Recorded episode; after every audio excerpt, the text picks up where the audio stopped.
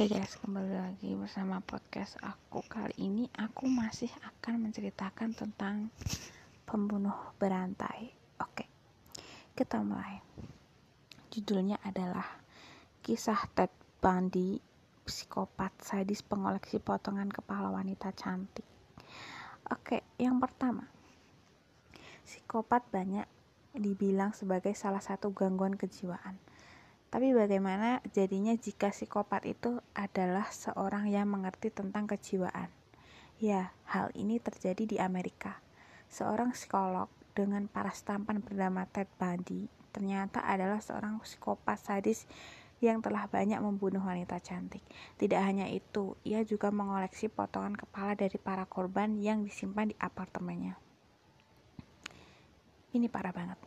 Ted Bundy Namanya Ted Bundy, lahir di Burlington, West Vermont pada 24 November 1946.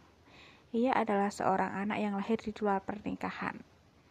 Jadi kemungkinan dia anak nggak sah gitu loh guys. Oke.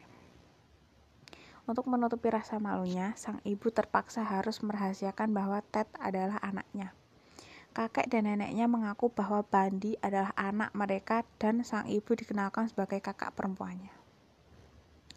Saat mengetahui fakta bahwa orang yang selama ini dikenal sebagai kakak adalah ibunya sendiri, Ted menjadi salah sangat shock dan mengalami kejatuhan mental.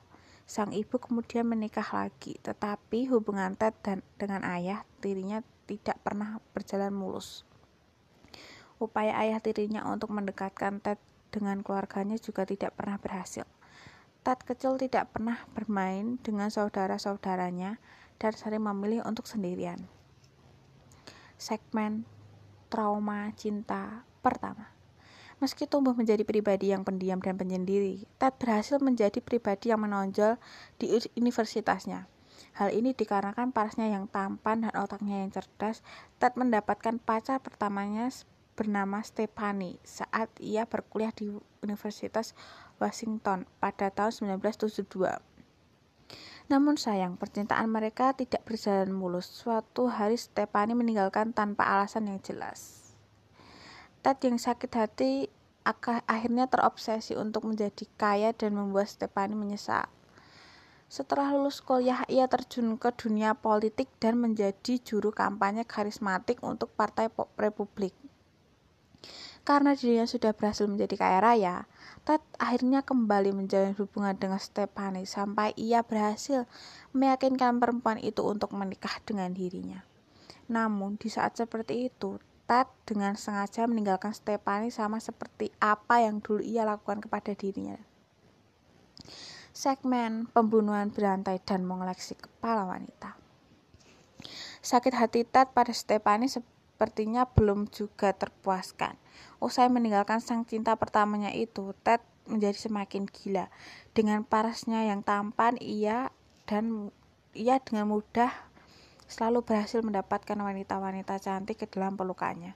Tetapi sayang, para wanita itu hanya menjadi pelampiasan dari dendam Ted pada sang cinta pertamanya saja.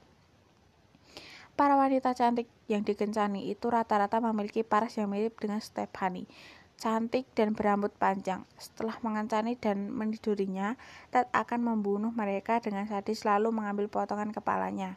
Potongan kepala, kepala wanita-wanita cantik itu disimpan di apartemennya sebagai kenang-kenangan. Segmen dijatuhi hukuman kursi listrik. Suatu hari setelah salah satu korbannya berhasil lolos dan melaporkan kejadian tersebut kepada polisi, Ted akhirnya berhasil ditangkap. Diketahui bahwa Ted telah membunuh kurang lebih 30 orang wanita yang berambut panjang dan menyimpan 12 potongan kepala di apartemennya.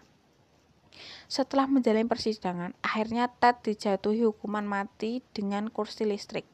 Jenazah Ted kemudian dikremasi sebelum menjalani hukuman mati.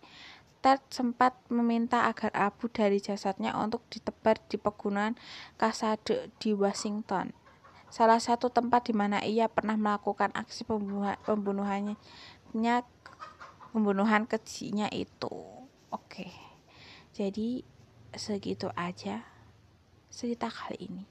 Kalau suka jangan lupa share ke teman-teman kalian. Terima kasih.